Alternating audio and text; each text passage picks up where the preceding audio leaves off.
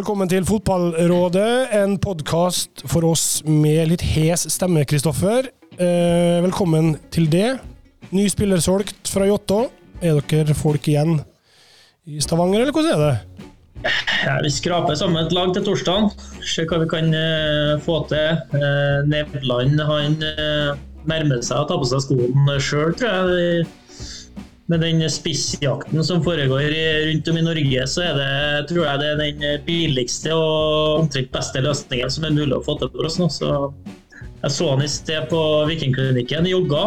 OK sånn løpsform, men vi får se om han fortsatt har det touchen og den klassiske Nevland utsida-avslutninga. Eh, bra. Det så ut som dere hadde skrapa sammen et lag ja, på søndag. Det er korrekt. Men nok Ja, vi hoppa over den kampen. Da skrapa jo, da skrapa jo også som et lag, ja. Det er helt riktig. Ok. Bra. Eh, velkommen til det, Henrik Udal. Du var jo på den andre sida av dette famøse oppgjøret sist søndag. Hvordan er stemninga på Valle om dagen? Nei, den er, den er, bra, den. Eh, nå har toget begynt å rulle. Var, vi kom litt seint i gang, men nå, nå, begynner det å se bra ut. Så Deilig at Viking kom med et litt så der lag, så vi fikk virkelig kjøre på. De serverte til dere? Rett og slett. Oi. Ja, sånn er det. Altså, vi, ja. Ja, ja, ja, ja, ja, ja, Vi ville gjøre Fagermo mer høy og mørk. Ja, kan... det akkurat det. Det er jo ønskesituasjonen. Lykkes veldig godt der, da. Det kan jeg bekrefte. jeg så jeg måten han gikk over banen etter kanten. Han vokste 10 cm. Eh, bra, hyggelig å ha deg med, Henrik. Og så til det og Ole Sæter. Hvordan er det med topplokket ditt? Er det bra igjen, eller er du fortsatt litt shaky? Nei, det, jeg tror aldri at jeg noensinne blir meg sjøl igjen. Eh, jeg blir dummere og dummere for hver dag som går, så jeg tar én dag om gangen og, og håper at jeg, at jeg, fortsatt er Ole Sæter på, på lørdag. Så det, det, går greit. Det er jo mange som er glad for at du eventuelt ikke blir det sjøl igjen. ja, jeg er jo det, jeg òg. Eh, så jeg tror egentlig at eh, alle tjener på at jeg, at jeg endrer meg litt og litt for hver dag som går. så så det, det, tror jeg Kjetil og Geir òg er glad for. Så nei, det, det er bare, bare bra, bra, stemning i Trondheim òg. Ja, men det er bra. Veldig hyggelig at dere to er med oss. Ja, dere to har blitt invitert til oss for å snakke om det å være eh, lokalspiller og eh, oppfylle det vi kan kalle for drømmen om å spille for laget en har vokst opp med eh, og har fulgt med siden en var liten, og hvordan veien dit har vært. Eh, vi kan starte med det, Ole. Har Rosenborg alltid vært drømmen for det? Ja, altså det, det blir jo litt sånn når man er trønder og har vokst opp uh, ja, 50-60 meter fra Lerkendal. så så vil det jo alltid være et, eh, et mål eh, om å om en dag spille den klubben. Så det er jo klart at det, det betyr jo litt ekstra, ekstra når, man, når, man, er fra den byen, eh, byen klubben spiller i og, og, og, den biten der. Så helt klart, det, det, betyr veldig mye å spille i Rosenborg. Og det, det har alltid vært egentlig drømmen, da. Altså i hvert fall fra man har vært barn, at man en, en eller annen gang skal spille i Rosenborg. da. Mm. Du er jo ikke fra Oslo, Henrik, men eh, du har jo et tett forhold til Vålerenga, eller har hatt i mange år. Er det tilsvarende for din del, eller? Ja, altså vi Jeg kommer fra Indre Østfold, som er eh, Vi har ikke noe fotballag, så det, det er et stort område med mye folk og lite fotball. Så vi det er Vålerenga eller Lillestrøm som gjelder der. og da, Enten så er det på den ene sida eller så på den andre sida. Så det har vært Vålerenga for meg hele veien. Så litt sånn surrealistisk, men også stolt over å, å ha kommet opp og fått spille for, eh, for Vålerenga. Det regner med egentlig Ole også kjenner seg igjen i. Mm. At uh, det kan ofte ha føltes veldig sånn som et hårete mål å få komme ut på den scenen der med den drakta. Så når man først har klart å komme dit, det, det gir jo mersmak for å gi det enda mer arbeid. Mm. Eh, hvordan har det vært for deg, Kristoffer? Har du òg, eh, kanskje ikke lenger nå, men i hvert fall før, hatt liksom Lerkendal som din hellige gral? Ja, altså det er jo naturlig det. Jeg hadde jo alltid sesongkort og så alle kampene. og Jeg vokste egentlig opp med å alltid ha, ha det som første, liksom første drømmen. Du møter jo kanskje mye kids i dag som tenker at, eller drømmer om Liverpool og United og all, den biten der. Men for meg å, å vokse opp, da, du var heldig å vokse opp med Nils Arne Eggen og den fotballen som ble spilt der òg. Det var relativt underholdende å dra på Lerkendal. Og det var eh, fikk færre å se Champions League og det ene med det andre. Så da var jo det naturlig å, å, at det var det, var store, store, målet og drømmen. Da. Og det, selv om, selv om jeg ikke har spilt der, så var jo fortsatt Det ga jo meg motivasjon og drømmen om å, om å få lov til å spille fotball på heltid og være en del av norsk fotball, da, om det ikke har vært der eller en annen plass. Så, så var det jo drivkraften. Det å få å spille på Lerkendal. Men det at du aldri har spilt der, da, er det, altså er det et hull i din CV, syns du, eller? Nei, jeg takka nei to ganger, da. Som unggutt så fikk jeg jo muligheten å ferdig. Jeg hadde jo såpass bra i Strindheim da, og spilte eh, A-lagsfotball i andredivisjon for Strindheim i, i andredivisjon da jeg var 16. Så, så valgte jeg det sjøl. Så kunne det jo sett annerledes ut, da, men jeg vokste opp eh, og var ca. samme kulde som altså jeg er jo samme kull som Markus Henriksen, Morsaga Bakenga. Eh, året under så hadde Jonas Svensson, Fredrik Midtsjø og så hadde Ole Selnes 94. liksom. Så, så, det var jo sånn Og Åsen 91 da, i tillegg. Så det er lett å si 'what could have been', men uh, hull i CV Nei, per dags dato spiller jeg på et lag som er bedre, da, så vi får se hvor, uh, hvor det ender opp etter slutt. Uh, ja, jeg vet ikke om per dags dato, men i hvert fall per, nei, nei, per tabell. Ikke per, ikke per søndag. Per tabell, ja. Ja, vi, tar det, vi spoler litt tilbake. De siste par årene så har jeg vært med på et lag som har vært bedre, så får vi se. da. Korrekt, ja. Pila vår peker vel rett ned, og deres ser rett opp. Du, eh, Henrik, du eh, var jo i Vålerenga fra 2013 til 2016. Kan det stemme sånn cirka? Ja. Eh, eller ut 16. Eh, og så, Jeg vet ikke om du måtte forlate klubben, men du gjorde nå det. Eh, hvordan opplevde du det? Nei, altså, jeg kom vel Jeg begynte å jeg ble invitert på noen prøvespill da jeg var 15, og skulle til å fylle 16, så jeg, hva skal jeg, si, jeg pendla inn til Oslo for å, for å trene og spille for Vålerenga fra da jeg var 16, på ungdomsskolen. Så fulgte egentlig den hele regla opp til junior, og fikk også noen A-kamper. Eh, men når jeg var 19, så var det ikke, det var ikke opp til meg at jeg dro. Det ikke, hadde vært opp til meg, så hadde jeg blitt der. Men eh, jeg var rett og slett ikke god nok. Det var egentlig det det, det gikk på. Så Det var ikke noe personlig nederlag sånn sett, eller? Jo, eller altså Hva skal jeg si. Man hadde jo drømmer om at det skulle gå, om å fått den kontrakten og få være en del av troppen, men eh, det ble ikke sånn. Så da måtte jeg gå en ganske lang omvei. Mm. Så jeg tror kanskje det har vært for det beste. At eh, Jeg er ikke så sikker på at resultatet har vært så bra hvis jeg hadde kriga meg til en sånn 20.-plass i troppen på det tidspunktet der.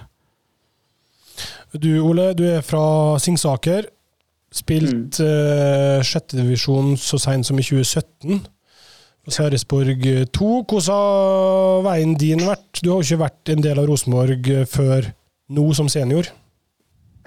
Nei, jeg har aldri vært egentlig noe spesielt nære heller.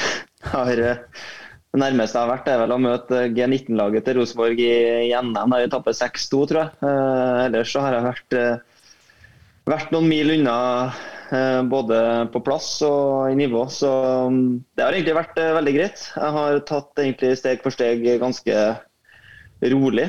Eh, det har ikke vært noe på en måte sånn hastverk for min del om å må komme meg videre. Men jeg har jo ja, fra 2017 har jeg vel gått ett steg opp hvert eneste år, utenom i fjor. da. Så, så det har vært egentlig veldig ålreit. Men altså, underveis så tenker man jo ikke at det er dit man skal, eller at man ønsker å spille i Rosenborg eh, i 2022. Da.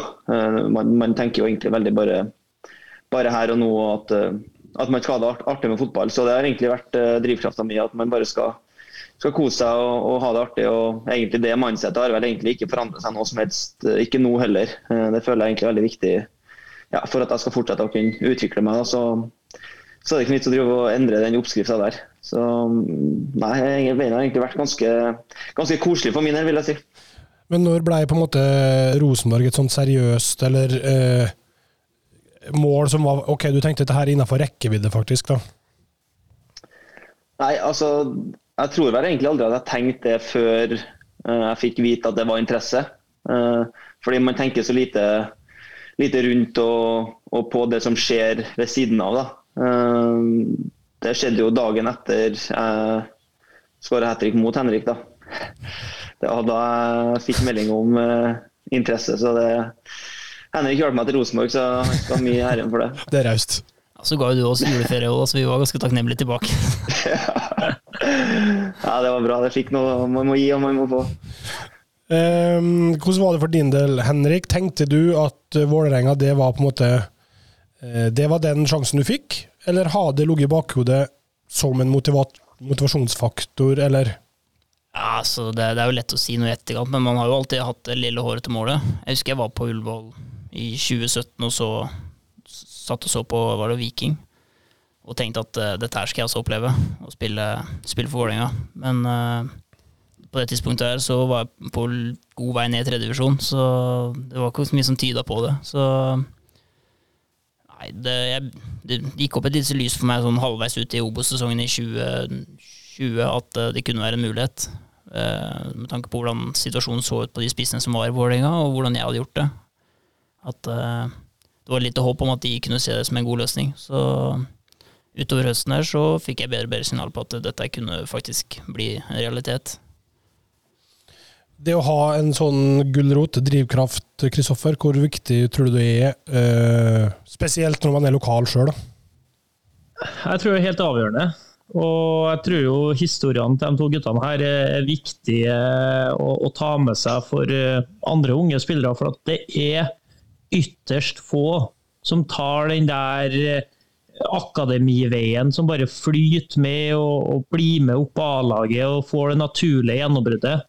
Eh, enten ja, du kan få inn A-lagskontrakten som, som, Henrik og kanskje kunne ha fått og bli 20.-mann i troppen, men det er gjerne langt derfra igjen til å få oppleve drømmen om å spille jevnlig eh, for A-laget. og Da må du ta deg en, en tur på utlån eller å, å skaffe erfaringer. Kanskje til og med blir du sånn som um, Olaus Skarsheim f.eks. av Rosenborg blir, blir, solgt og så henta tilbake igjen etter å ha skaffa seg erfaring eh, andre plasser. Så, men det er jo hele tida på den veien, hvis du, hvis du tør å drømme og, og også tro da, på at uh, gjennom hardt arbeid over tid, så, så, kan det kanskje hende at uh, de får øynene opp for deg. Og at uh, timinga er god. Det skal jo litt tilfeldigheter til også i tillegg.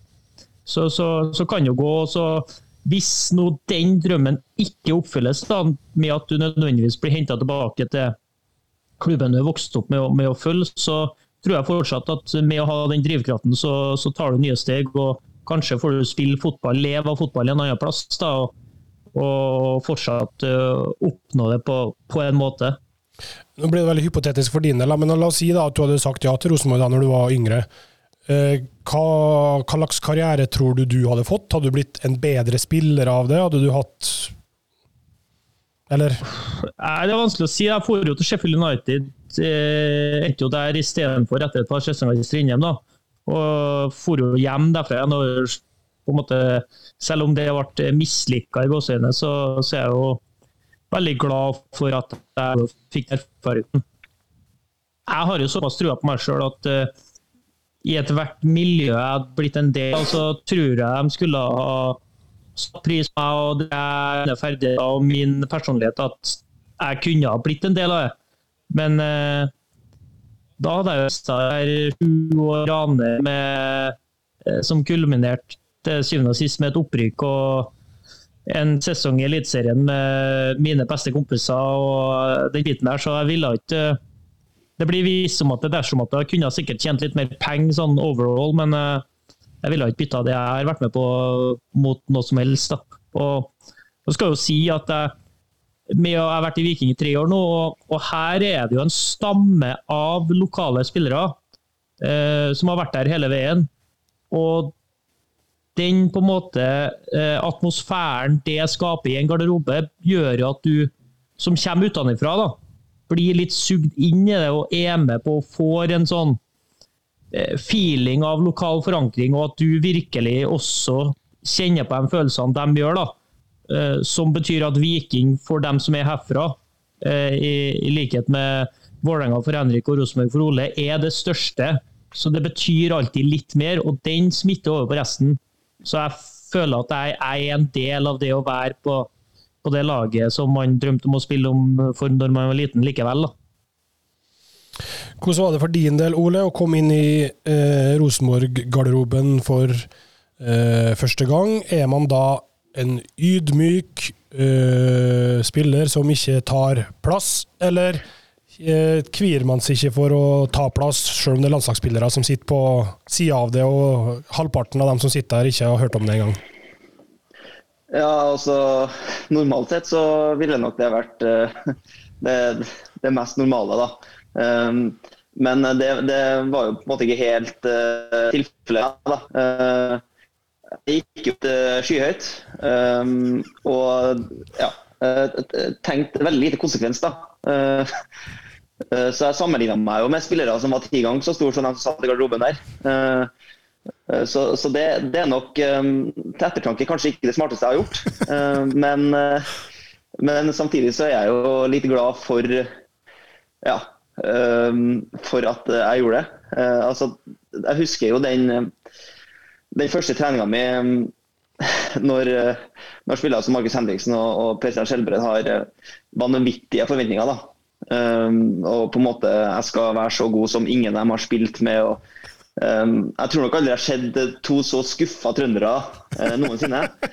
Um, men uh, i ettertid så, så, har vi jo bare gått som hånd i hanske. Så, så, jeg tror at man er veldig avhengig av å prestere, da, uh, hvis at du i så fall skal gå ut ja, um, og kalle deg andre navn og andre ting, andre, andre dyr, før, før, du har hilst på guttene. så ja, jeg har gjort smarte ting i livet, absolutt. Men jeg er glad for at jeg er den jeg er. Men får man, liksom, får man solid tilbakemelding fra dem? Eller bare 'hei, du, gikk det ned'? Eller hvordan er det? Jeg ser de bare 'OK, hva er Nei, du får vel litt mer uh, blikk, ja. Uh, og så er det vel heller i Nå var jo han operert da jeg kom, så, så, det var jo når jeg og, og de guttene der kjørte litt sånn kjerne og sånn sammen, da, så, så forventa de jo at uh, at det var jeg som skulle styre showet. da. Og Jeg kom jo fra Ranheim uten å ha kjørt et eneste kjerneprogram. Så, så det er klart jeg, jeg, fikk litt vann over huet og gikk litt høyt ut. Og, og merka veldig det. Uh, men jeg står her den dag i dag, så jeg har kommet meg gjennom det. Hva var din strategi, Henrik, da du kom tilbake til Valle?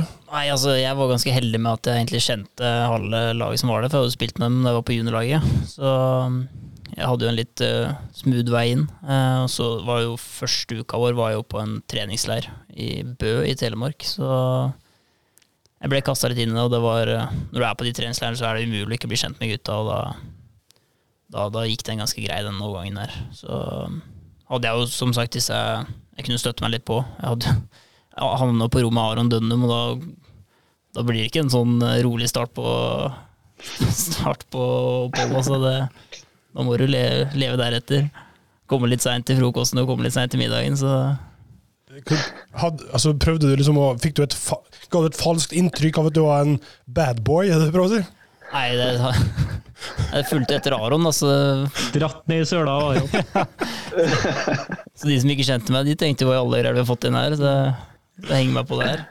Men uh, nei, det, det var en fin overgang, det. Men vi, ja, på den eh, stua vi hadde booka oss inn på, så var det jo Folk har jo faste plasser til vanlig, så de hadde jo faste plasser nå òg. Så var det akkurat sånn at det gikk opp i bordet at det var to ekstra plasser hvor jeg og Aron skulle få.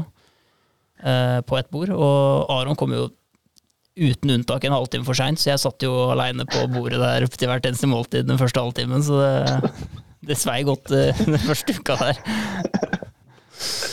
Um, ok, men når man først da liksom er lokal, har kommet inn i en klubb, er man da uh, Hvordan er forholdet til, liksom, til egne fans, f.eks.? Er man øh, Føler du en tettere tilknytning til kjernen, f.eks. Ole? Tror du en øh, mange andre gjør, som kommer fra Sverige eller Oslo, eller hvor de nå kommer fra? Er du mer liksom bevisst på den biten, eller?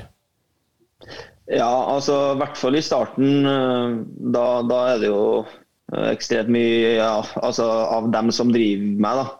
Uh, altså klart, Man har jo stått der sjøl, og, og, det betyr jo ekstra. Men jeg merker jo at desto mer man spiller, og desto varmere man blir i trøya, desto mer fokus har man jo på det som skjer på banen. og, og ja, Man legger jo merke til dem rundt, men, men, det blir jo mindre og mindre. Det merker man jo at, at man blir på en måte litt mer vant til at de er så store som de er. da.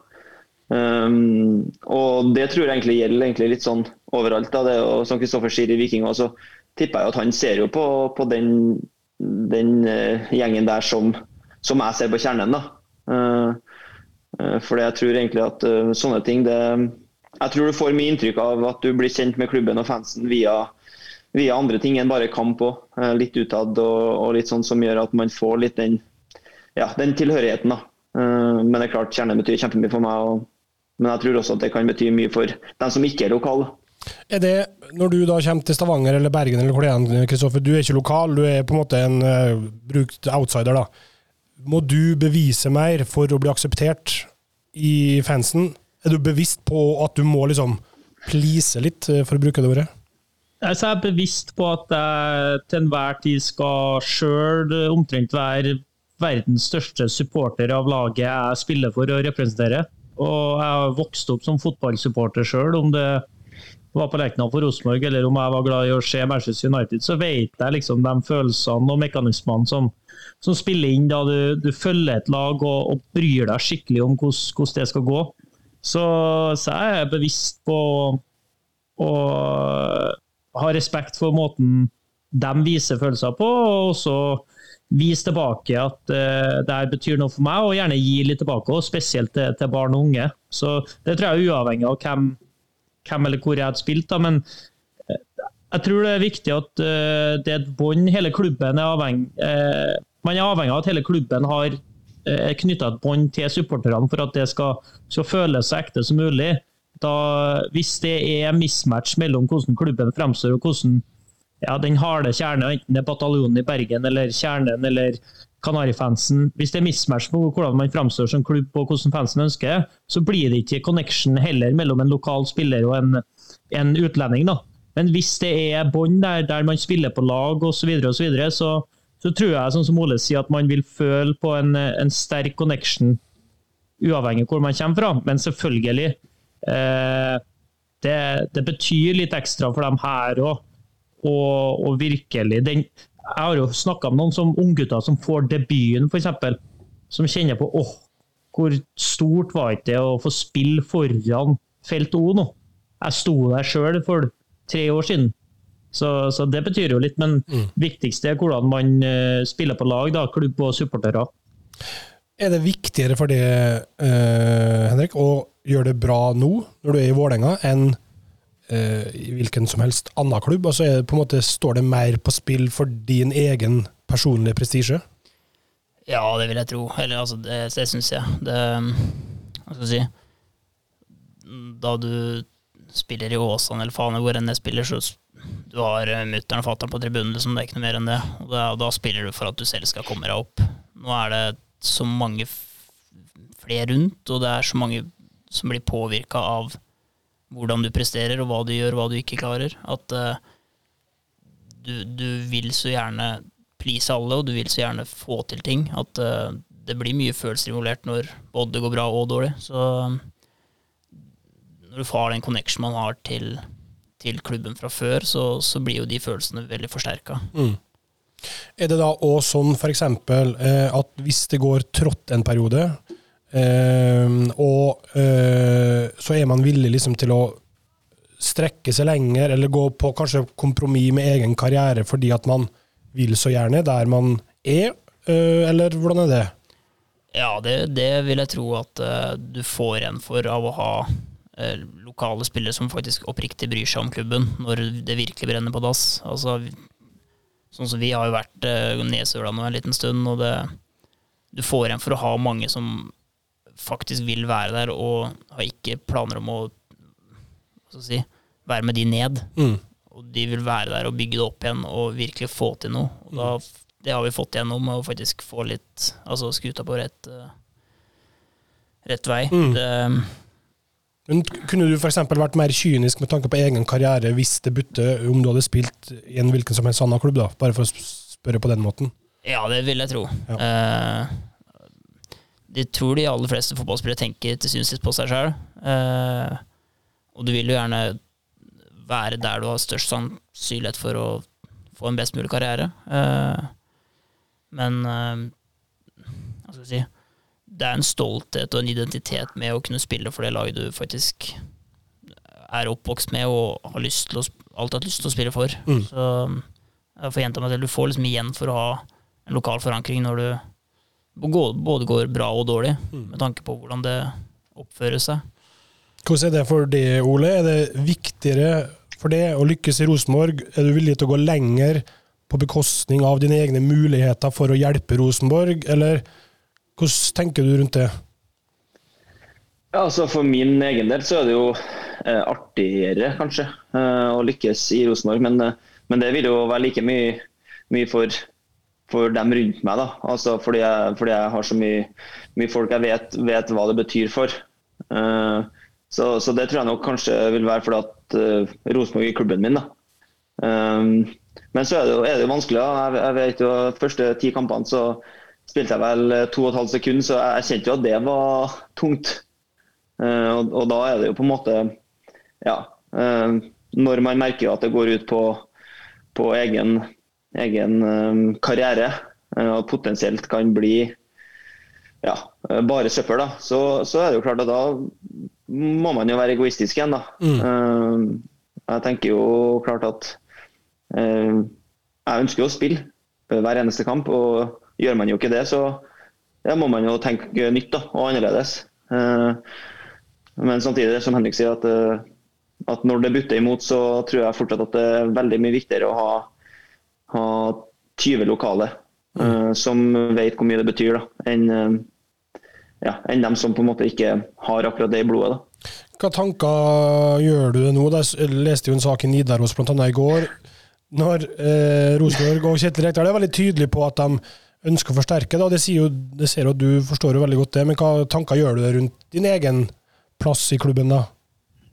Nei, altså den uh, saken der, ja. Uh, det er jo litt typisk meg da, å bite på det lille agnet til han helt rookie intervjufyren her. Så, så det var der, der, må jeg ta selvkritikk. Ja. Jeg biter rett og slett veldig billig på. Men det som var poenget mitt, var vel egentlig det at om vi skal være to mann som, som står og kriger om Nei, åtte mann som kriger om to plasser, så, så kan det gå utover min karriere. Mm. Det var ikke noe sånn at jeg, at jeg skal dit eller dit, men, men, det er klart jeg er 26 og, og du har dem som er ja, nå vet jeg ikke, Noah er vel 15 år og Brian er 14, så, det er mye mer større talent enn det jeg er. ikke sant?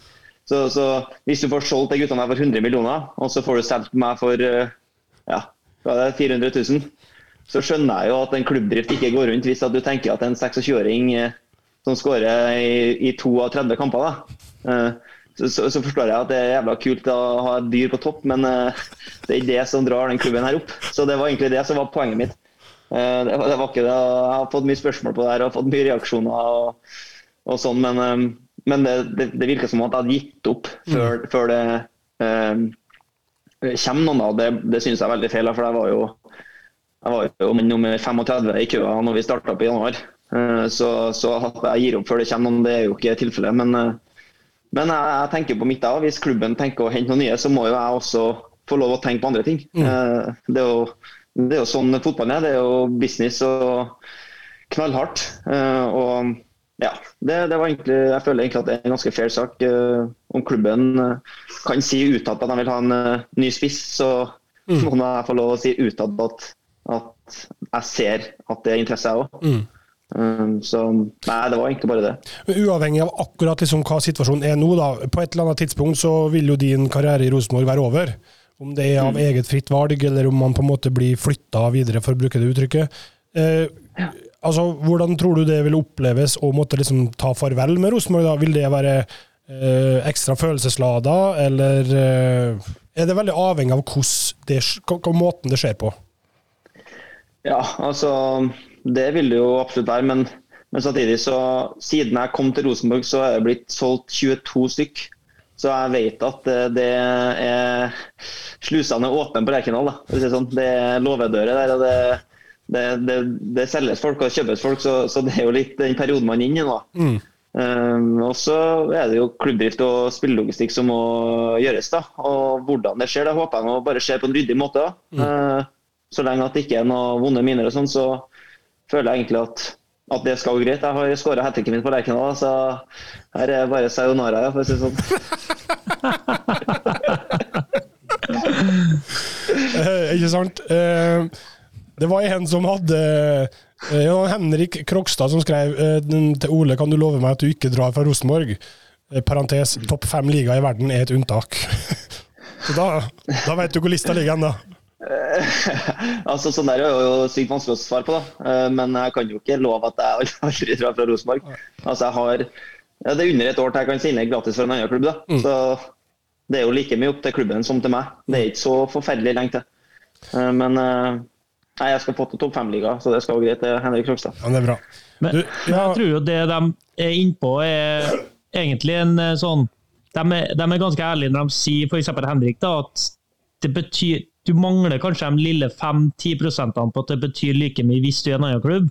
Så det er jo en gave for Rosenborg eksempel, å ha en som Ole i stallen, kontra å ha en, en, en utenlandsk spiller i den samme utfordrerposisjonen, som gjerne tenker mer på seg sjøl at han skal opp og fram. Jeg tror Ole har en større grad av aksept for å ha en innbytterrolle enn f.eks. en 22-åring fra Danmark, eller hvor det skal være. hen. Han vil kjenne mer på at det brenner å være på benken og ikke få muligheten. Og det må sportsdirektører og så videre tenke på når det gjelder stallsammensetning, hvordan man setter sammen.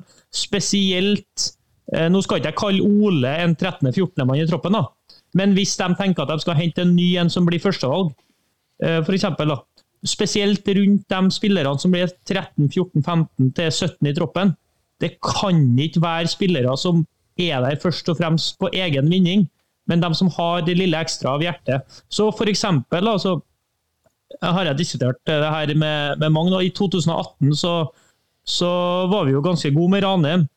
Og vi hadde jo en del spillere der, f.eks. Eggen Rismark, da, som var midtstopper til oss. var, Han var dritgod, for å se rett ut, i Eliteserien. Og Brann kjøper han. da, Brann ligger foran Rosenborg på tabellen og kjøper han for tre millioner. Mens Rosenborg henter heller Besim Serbesic. Besim Serbesic er et bra talent, ikke misforstå meg rett der, og han kan fortsatt bli han også.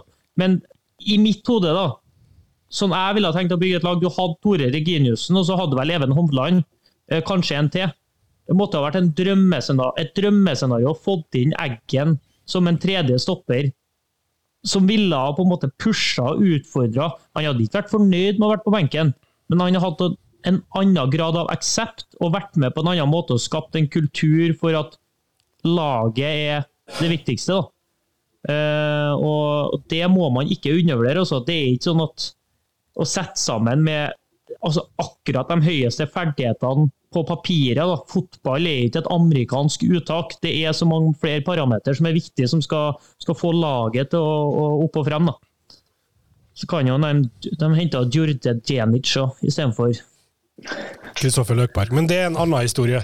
Det er en annen historie. annen historie ja. Eh, men det er ingen av dere, da, eh, dere to eller tre, som er som Fredrik Strømstad, som da Start ikke ville gi ny kontrakt. Da la han opp fordi at han ville ikke spille for noen andre klubber enn Start. Da var han 31, da, så det er jo et annet tidspunkt i karrieren. Men det er liksom, enten ble det Start, eller så ble det ingenting.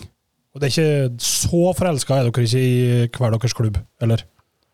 Det er jo en forskjell her da på om det er man selv som vil bort, eller om du blir ikke, de, altså de ikke vil gi deg en ny kontrakt, så Ja. må du jo altså, du, Du er for ung til å legge opp uansett. ja, Hvis ikke blir du Nav, da. Det er jo alternativet. Er ikke du fysioterapeut?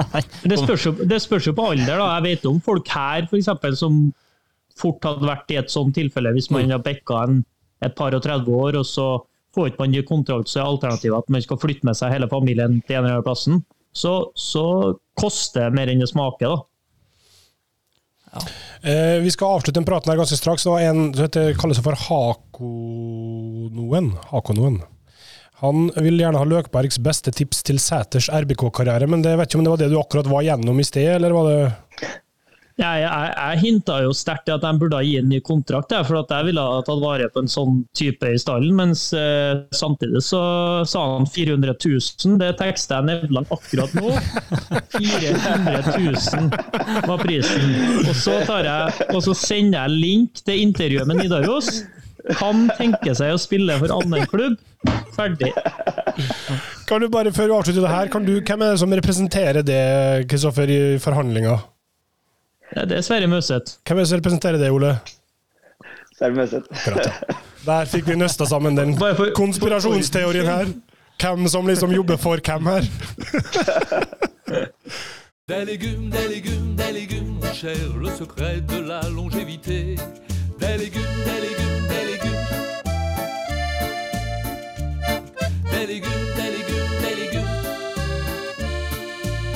Og vi tar øh, løkens løksuppe, gjør vi ikke det? Jo da, det gjør vi. Og nå har vi jo to, to storskårere på besøk. Vi har to spisser, og spisser lever av én ting, sier de, og det er å skåre mål. Så da har vi spissquiz. Løkens eh, spissquiz. Og det er jo da Vegard, du får kanskje svar etterpå, hvis du vet det og dem ikke vet det.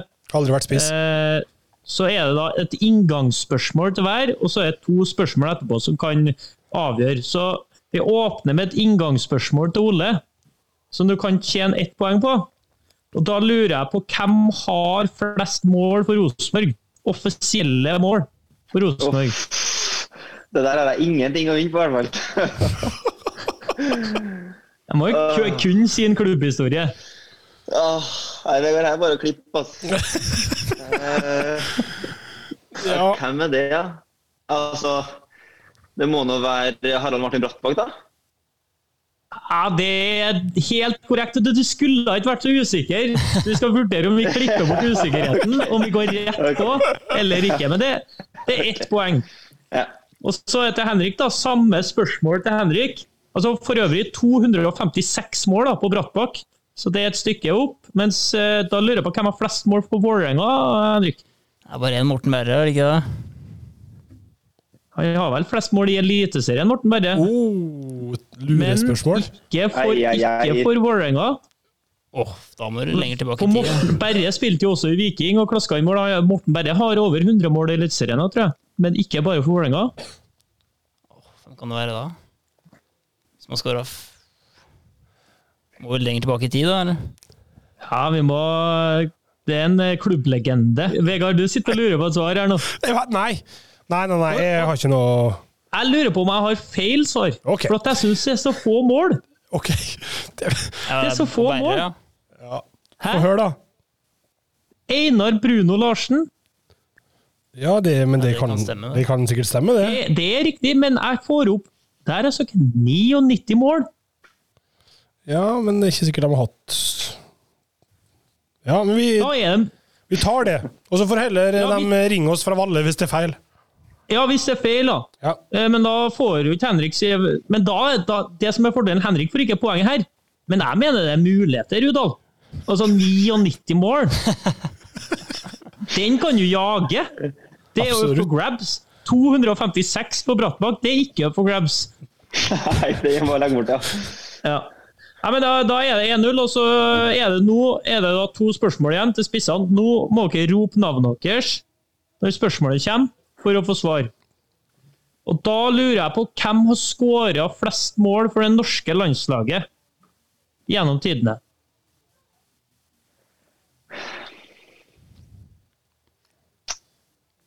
Er det, minuspoeng hvis han bommer her nå? Nei, ikke minuspoeng, det- men den andre får svar hvis den ene bommer, altså. Ole. Joshua King. Det er ikke Joshua King. Hvem kan det være? Udal skal få hive ut et lodd der nå. Hvem kan det være?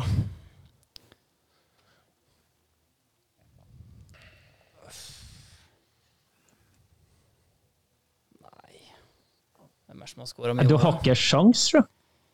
Har du sjans? Nei, jeg, det er Vegard, hvem har skåra flest mål for Norge? Driver du og googler nå? Ja, men jeg har ikke funnet Det er bare kommet ned et antall kamper ennå. Nei, altså, jeg vil ha eh, Jeg har helt sikkert ikke sjanse heller, men jeg, altså, det må nå være Det er jo ikke noen voldsomme målskårere der. Sånn sinnssyke greier. Det er kun 33 mål. Ja, så det er liksom Jon Carew eller noe sånt. Jørgen Juve. Jørgen Juve, ja. Jørgen Juve. Så det ble jo ikke lenge til Haaland, da. Men eh, enn så lenge så er Jørgen Juve svaret på den sk- quizen. Men eh, Det betyr at det er fortsatt det er 1-0 til Ole før siste spørsmål. Det kan utlignes. Vil du bare ha topp tre der først på landslaget? Ja, Jørgen Juve, Einar Geia Gundersen på 26, Harald Hennum på tredjeplass. Og så Jon Carew. ja. Ah. Det var ikke så dårlig tippa. Men jeg, jeg lurer på hvem har skåra flest mål, el eliteseriemål, altså tippeligaen øverste divisjon i Norge, gjennom tidene? Eh, Henrik Ole Harald Martin Brattbakk. Feil. Rushfeldt. Udal. Ah, det er Rushfeldt! Det er Rushfeldt. 172. Så Hva det utlignes helt på slutten. Jeg har ikke bonusspørsmål. Det er svakt at jeg har ikke forberedt. Ja, det er faktisk elendig at du ikke har et avgjørende bonusspørsmål. Men det ja, men Har du et bonusspørsmål, Vegard? Eh, vi kan jo kanskje ta ett til det, da. Eh, skal vi se her eh, Om Viking. Eh, er det noe eh, flest skåringer for Viking gjennom historien? Har du det? Sven Kvia? Det er det, ja. Men han har nå flest kamper og alt, har han ikke det? Eller er det Kvia? Nei, det er Kvia med flest. Det er flest. Er det? Jeg vet ikke. Nei, Veton nærmer jo seg faktisk flest, men Nei, du er ganske langt unna, faktisk. ja, ikke Kvia, det er kamper. Det er 202 mål. Oi. Ja. Vi starter på uh, Altså, det er ikke Østenstad. Det er en som heter Reidar Kvammen. 202 mål. Reidar Kvammen, det burde jeg visst, det står jo nedi gangene. Æresmedlemmene. OK, nei, men bra. Uavgjort da, og tap på Løkberg, som vanlig. Som vanlig. Ja, Det er alt som det, alt som det hører seg hør og bør. Absolutt. Vi går videre.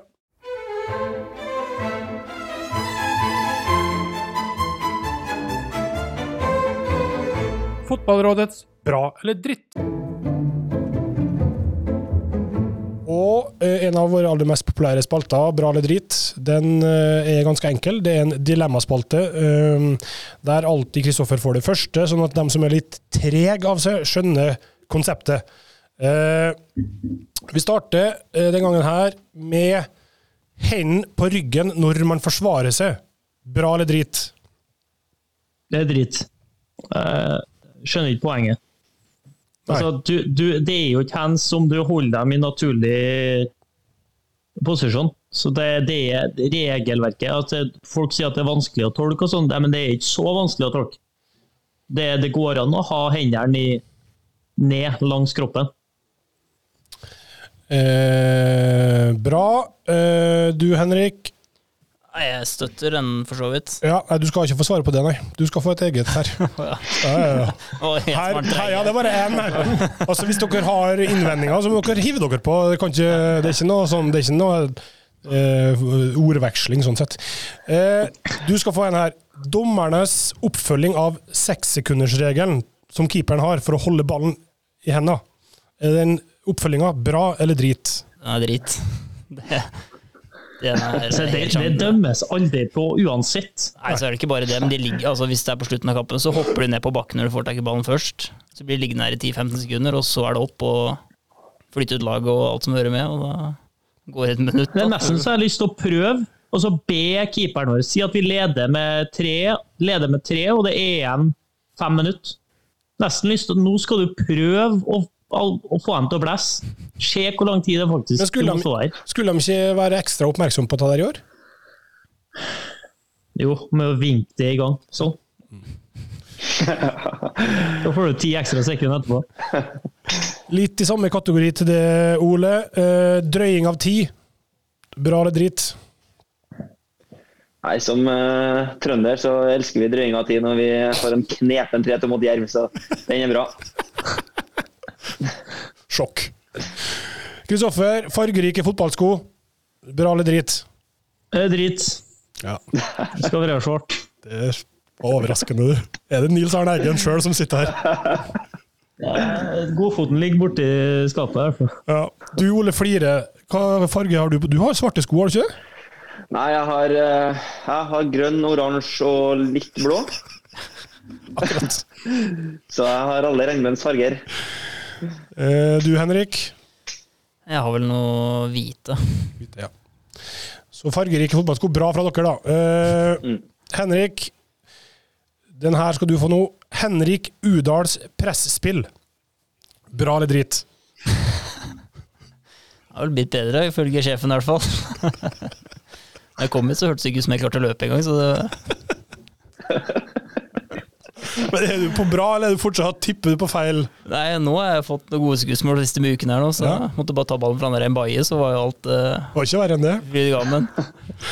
Du har til og med fått eh, store analyser om hvor flink du er på presspillet. Ja, det begynner å nærme seg nå. Det var jo en debatt og der, eh, ja, det kan vi ta etterpå, men det har vært en Twitter-debatt der. Ja. Eh, og så, uh, Ole, den siste, den, din andre. Sexnekt dagen før kamp. Bra eller drit? Nei, så Profesjonelt som meg, så syns jeg det er rett og slett eh, veldig bra. Det skal man ikke ha. Helt uaktuelt Ja, i enhver situasjon. Det kan jeg aldri tenke meg. Nei. Vi tar noen lyttespørsmål.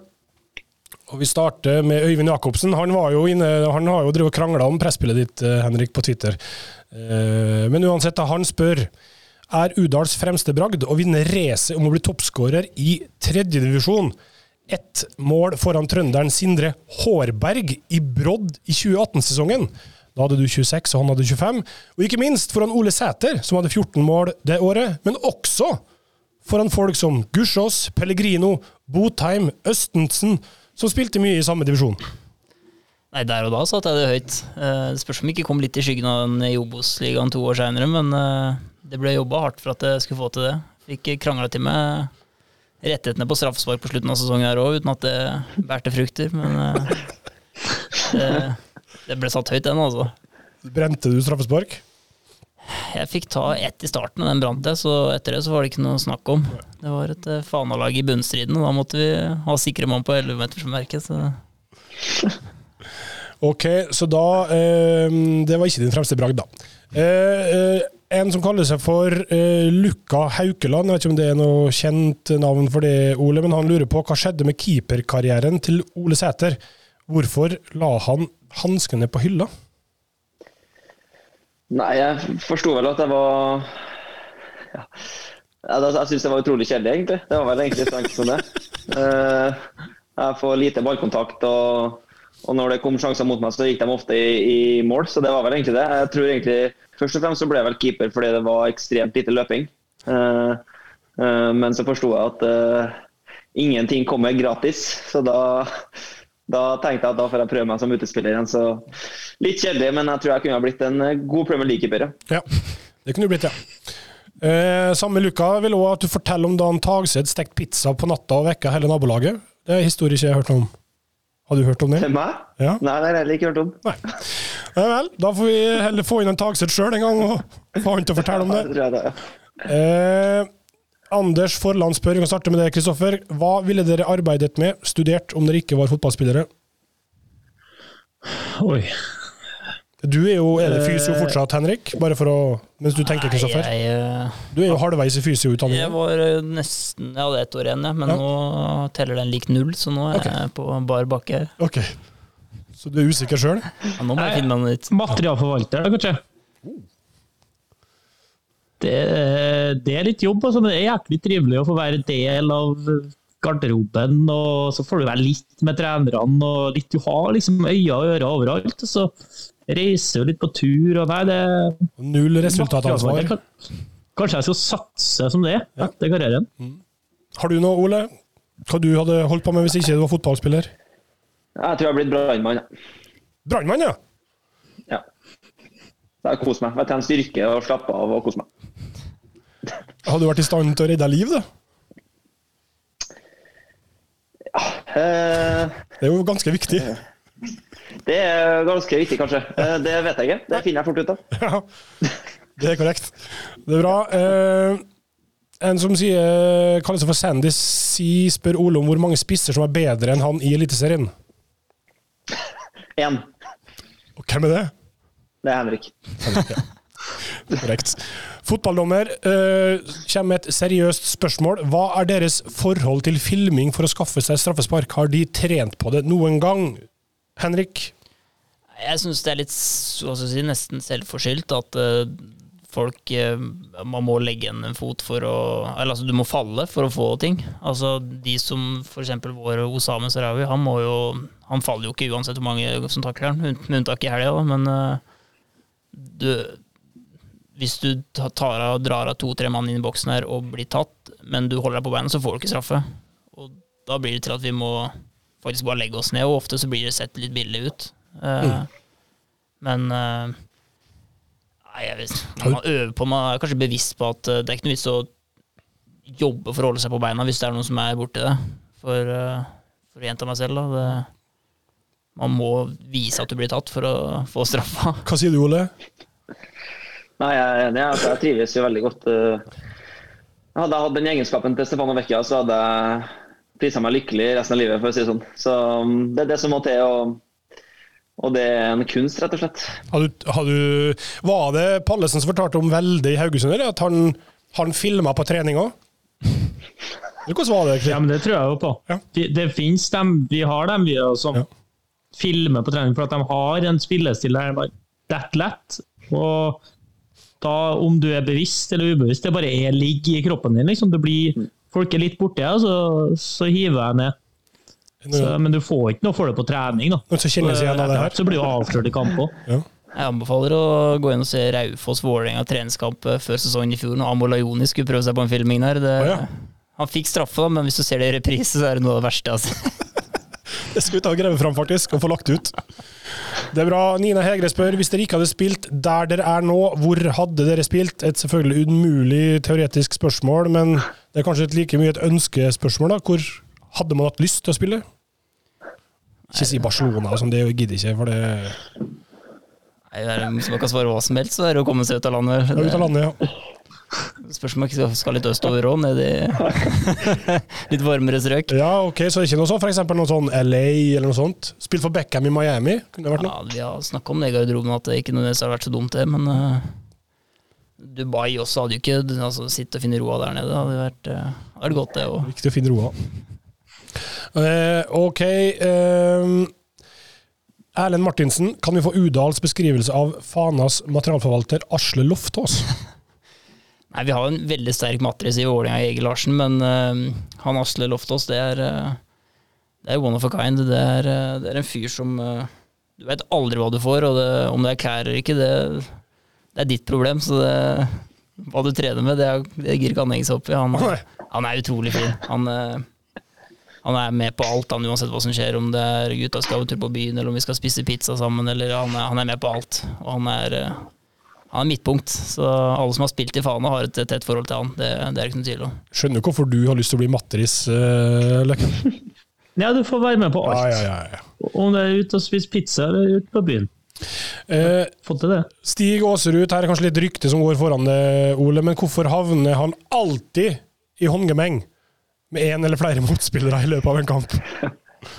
Nei, men altså, Det tror jeg er like mye det ryktet jeg har fått. Altså, Jeg tror folk er litt ekstra hissige på meg. Og da er jeg som en lett tennbrikett, så det skal ikke mye til for å, for å få gass i, i bøtta mi. Så det er vel egentlig bare fordi at jeg, jeg er glad i å påvirke litt utenomsportslig. da. Mm. Jeg liker at eh, det kommer litt irritasjonsmomenter opp i huet på dem jeg spiller mot. Så ja, da får folk bare mm, ja, hate me or love me. Jeg var jo på Marbella da du spilte for KBK mot Rosenborg i vinter. Det var noe av det rareste jeg har sett, når du endte opp med å krangle med egne lagkamerater. Ja, det der er jo ja, det der er litt som jeg sa tidligere. altså Den tilhørigheten jeg fikk der, er jo det samme som jeg har i Rosenborg. Så, så ja, da ble jeg nødt til å dytte unna en 11-12 mann. og det, det er litt sånn jeg er. Spilt for Kristiansund, du, da. Ja. Eh, Løkberg er Menert i Ranheim god nok for Viking? Ser han skårer en del mål for tiden, skriver Trond Tingvik. Eh, han står vel på lista. Avhengig av hvem som representerer han, kanskje? Ja, det er bruttolista. Det er, vi har alltid ei liste, var ikke det Koteng som sa det? Finnes alltid ei liste. ja. Så gode spisser i Obos-ligaen. Det skal ikke undervurdere. De kan, eh, hvis de kommer inn til rett lag da, til rett tid, så skårer de i Eliteserien òg. Philip Aastum lurer på om det er en løvinne inne i bildet hos Løven. Det kommenteres ikke. Eh, Kjetil Ba spør hvis Ole er singel, hvordan er han på Tinder? Hadde jeg vært på Tinder, så hadde jeg vært ufin, ja. Ida Marie Eriksen spør Hei, Ole, er du singel? Neste. Ok, eh, greit det. Beklager. Eh, men det var, eh, det var faktisk ett spørsmål til her. Men det, det, det kan vi droppe. Eh, det, var en som, det var faktisk en som lurte på om du, ville, om du kunne ha data en fan. Altså en supporter. Ja, da skal jeg være jævla fin, ja. Men, men jeg vet faktisk av en spiller i norsk fotball, jeg skal ikke nevne navn, som i senere tid har blitt sammen med ei han traff på sånn fan-kickoff. men... Som er liksom sånn, du går ned på Se for deg at du drar ned på på eh, EC Dals liksom, for Rosenborg, og så står det i kjernen og liksom eh, et eller annet 'elsker Rosenborg', sånn, og, så får du bare det skinner plutselig i øynene, og så blir du sammen. Det må være så rart. Tenk deg å komme hjem fra kamp, da. Så får du liksom øksa. Hva i helvete dere holder på med nå, liksom? Sitter liksom kjernemedlemmer i sofaen og slakter deg. Det må være, eh, det må være ganske tungt. pip på egen kjæreste fra tribunen. Ja, den, den, det har vært variant. Ok. Eh, dilemma til Ole. Bytur i branndrakt eller Moldedrakt? Jeg er branndrakt, ja. Altså, det har gått fint, ja. Det har gått fint, ja. Eh, ok. Eh, Jomark har et litt større spørsmål her. Er klubblegender en døende art? Talenter som ikke tenker de er blitt for gode for nivået de spiller på, men heller vil bli bærebjelker som løfter sitt lag til et nytt nivå. Etablerte nøkkelspillere som avslutter karrieren i klubben i sitt hjerte, fremfor å cashe inn i Sverige, Tyrkia. Det stinker jo litt Veton Berisha-kritikk her, Kristoffer? Ja, men det der må jo klubbene ofte takke seg sjøl for. Fordi at det er så mye lettere. Det er sikkert i vanlig arbeidsliv òg. Du tjener mer på å bytte jobb. Altså, du blir ofte altså, undervurdert det å faktisk sette pris på dem som er der, og, og også løfte opp f.eks. lønn og betingelser til dem som er der og er lojale. Og Ofte så diskuteres da lojalitet, som han her er inne på, i fotball, at spillerne liksom aldri er lojale, og nei, de hopper på det første og beste, og de drar med en gang. Men det har en sammenheng med at klubbene kanskje ikke verdsetter dem på samme måte som når de henter en utenfra.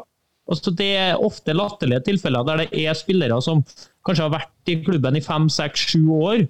Og så er det jævlig mye mer attraktivt å hente en spennende variant utenfra. Så, så dobler en lønna til vedkommende, og så er han i, i forhandlinger om ny kontrakt. Og så, får han i nærheten.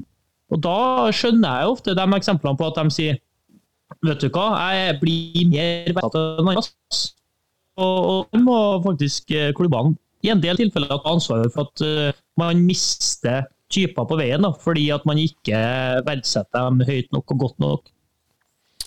Eh, bra. Alexander Yngleplass spør dere to. Eh, ville dere ha byttet klubb med hverandre om begge fikk fast plass og 15 pluss mål per sesong?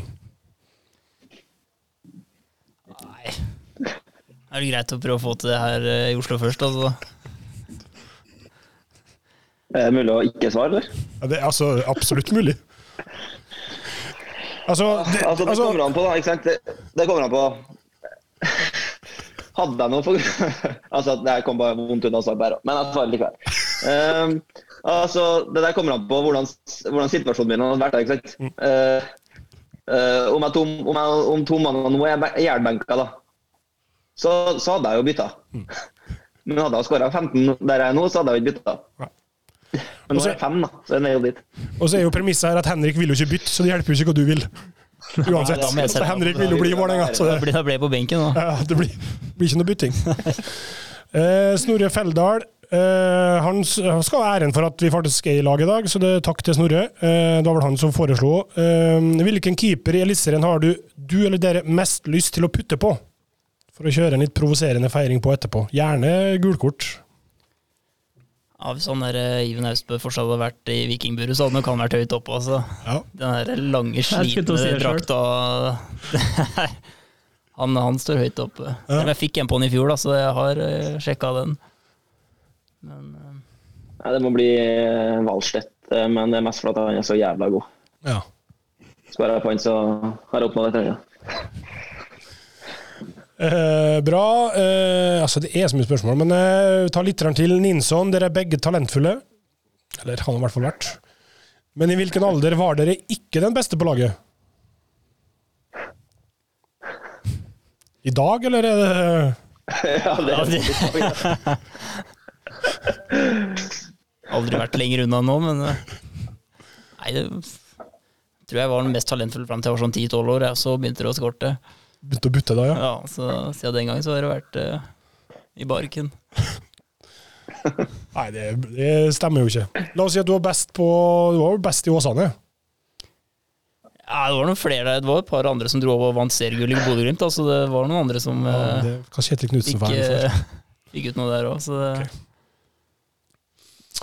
Ja, nei eh, Ole Rognes, hvem var forbildene på skråstrek utenfor banen? Du, Ole, har du hatt noe konkrete forbilder?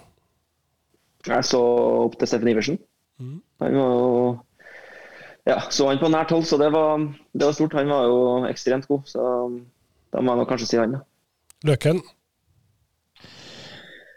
Nei, det var jo egentlig en trio med Skammelsrud, Berg, Strand. da. Det har vel ikke vært en midtbanetrio som har vært mer komplementær og bedre i norsk fotball noen gang, tror jeg. Du da, Henrik? Indre Østfold, hva er det største forbildet man får der? da må du bytte idrett. Men eh, nei, det, var mange, det er mange inne i Oslo der som, eh, som har vært eh, motiverende å se på. Men det er nok Moa som er den aller kuleste. Og fikk jo spilt et par B-kamper med nå, og det forsterka jo bare det jeg har sett opp til i mange år. Eh, bra. Vi må ha med et spørsmål til det, Kristoffer, fra Øyvind Herrebrøden, en av våre trofaste slitere. Når Løkberg og Madammen i en av sesongens mange suspensjonshelger går på fest med en felles vinkartong, tre liter, men bare drikker to tredjedeler, avviser da Løkberg at de delte vinen på festen, men derimot drakk hver sin liter. Ja, for at jeg drar ikke på fest og lar ting stå igjen. Så da ville det vært en tredjepart som hadde fått det som er til overs. Til det samme som skjer når en kamp i Eliteserien ender uavgjort, så er det en tredjepart, altså løse lufta, som får det tredje poenget. Så nei, Øyvind, det heter fortsatt ikke poengdeling. Det er ingenting som heter poengdeling.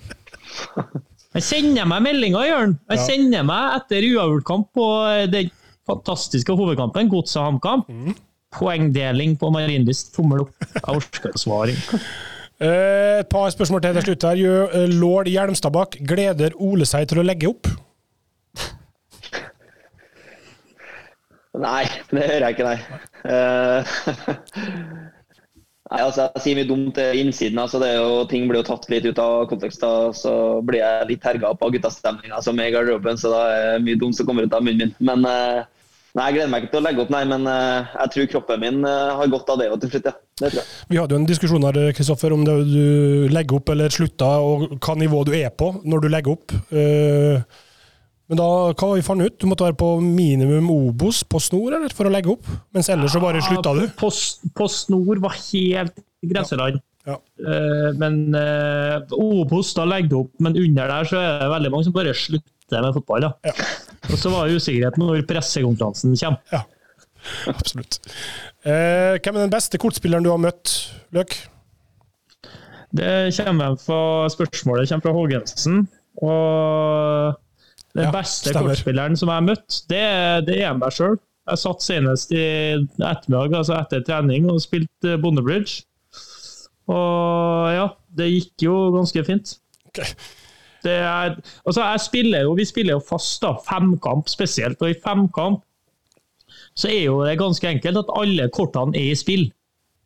Så spiller jeg mot folk som ikke teller kort. Er det rart at jeg vinner i lengden da? Altså, jeg, jeg vet Det er jo 13 Hvis du finner jo 13 av hvert finnes det folk som Det går tre runder med hjerter. Alle har hjerter, så finnes det dem som legger på hjerter igjen. Skal ikke ha stikk. Det er ikke vanskelig å vinne mot dem. Så nei, det er meg sjøl. har uflaks noen gang å tape, men stort sett så går det ganske greit. Et siste spørsmål det er fra Jonas Grønner. Uh, Hvor lik syns Udal at han selv er på Bolkan Nordli? Den har jeg, jeg tror faktisk det har blitt nevnt i garderoben nå. Vi har vel noen likhetstrekk der, må jeg innrømme det. Har du studert? Mm? Har du studert Bolkan Nordli for Nei, jeg, hver gang jeg får de der lookalikesa, så lukker jeg øra. Det, Gjør Gjorde du det, ja? ja da, jeg skyver det over på, på Bjørdal og Barmen. At det er de to som er uh, Eliteseriens uh, tvillinger. Skal, jeg, uh, skal vi se her da om du kan finne bare et bilde i full fart her. Ja, den er enorm. Det må legges ut på Instagram-profilen, altså. Den eh, split screen der. Hva du sier Ole? Ja, den er eh, 11 av 10, den. Det er samme fyr, det der. Det er å se det er jo. Ja, den er rå. Ja, den er, rå. Ja. det er to kjekke gutter. Eh, ok, eh, Tusen takk til alle som har sendt inn spørsmål. Det var pinadø Jeg tror det var halvparten av det vi fikk, så det har vært eh, rekordmange. Veldig bra. Jeg skal eh, Neste uke skal vi ta og ha litt gavebonanza. Vi skal òg eh, nevne at vi har fått et par sko fra Veton Berisha. Dyre, dyre fotballsko som du anslår Kristoffer, til å være verdt. Jeg anslår en eh, 3000, nesten 3000 kroner, altså. Få tak i dem, og så er det med en sånn frekt Norge-flagg og Berisha på i tillegg, så det, det er Vietnam sine, men de er aldri, Aldri aldri blitt brukt. Helt nye. Hva størrelse har du, Ole? Jeg har 44,5. Da blir det for uh, lite. Hva du, Henrik? Jeg er på 44, så Nei, jeg vet han har 43, vet du. Da blir det ikke noe Berisha-sko på dere. Men uh, vi har jo selvfølgelig lagt ut her i sosiale medier, så neste uke skal vi kåre en vinner. Det har vært mange bidrag der òg. Så takk til alle dere som har gjort det. Uh, Jerv, Vålerenga. Så godt dere flyr nå, ja, så skal være høy og mørk og si at vi vinner den kampen der. ja. Kom, altså Naturgress, har det noe å si for dere?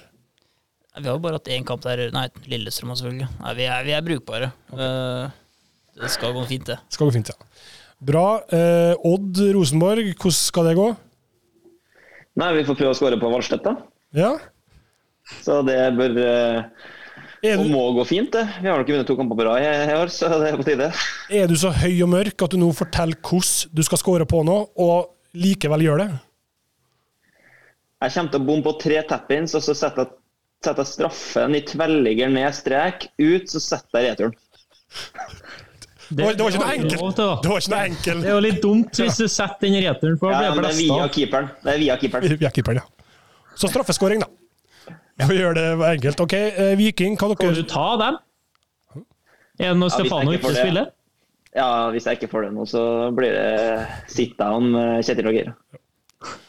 Det setter du nok pris på.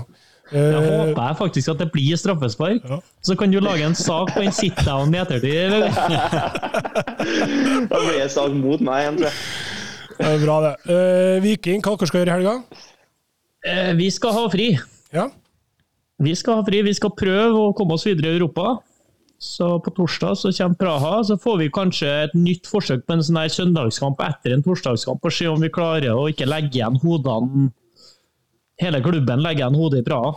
Jeg syns det var interessant det Slatko sa etter kampen. Han eh, begynte å trekke inn det tette kampprogrammet med søndag-torsdag som en forklaring. Og dere, har- dere har spilt én torsdag, og i tillegg har dere fri påfølgende søndag.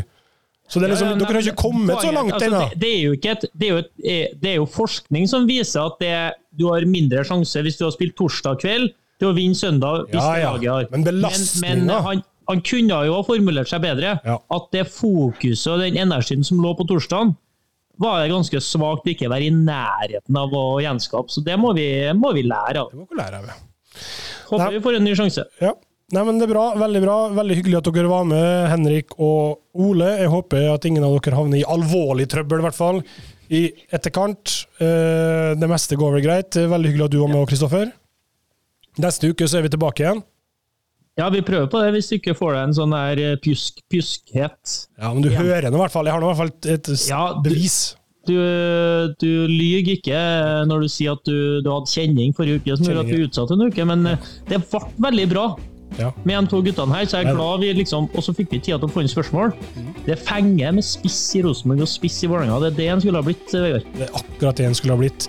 Ok, takk for at dere var med, takk for at dere lytta, og så høres vi igjen om ei ukes tid.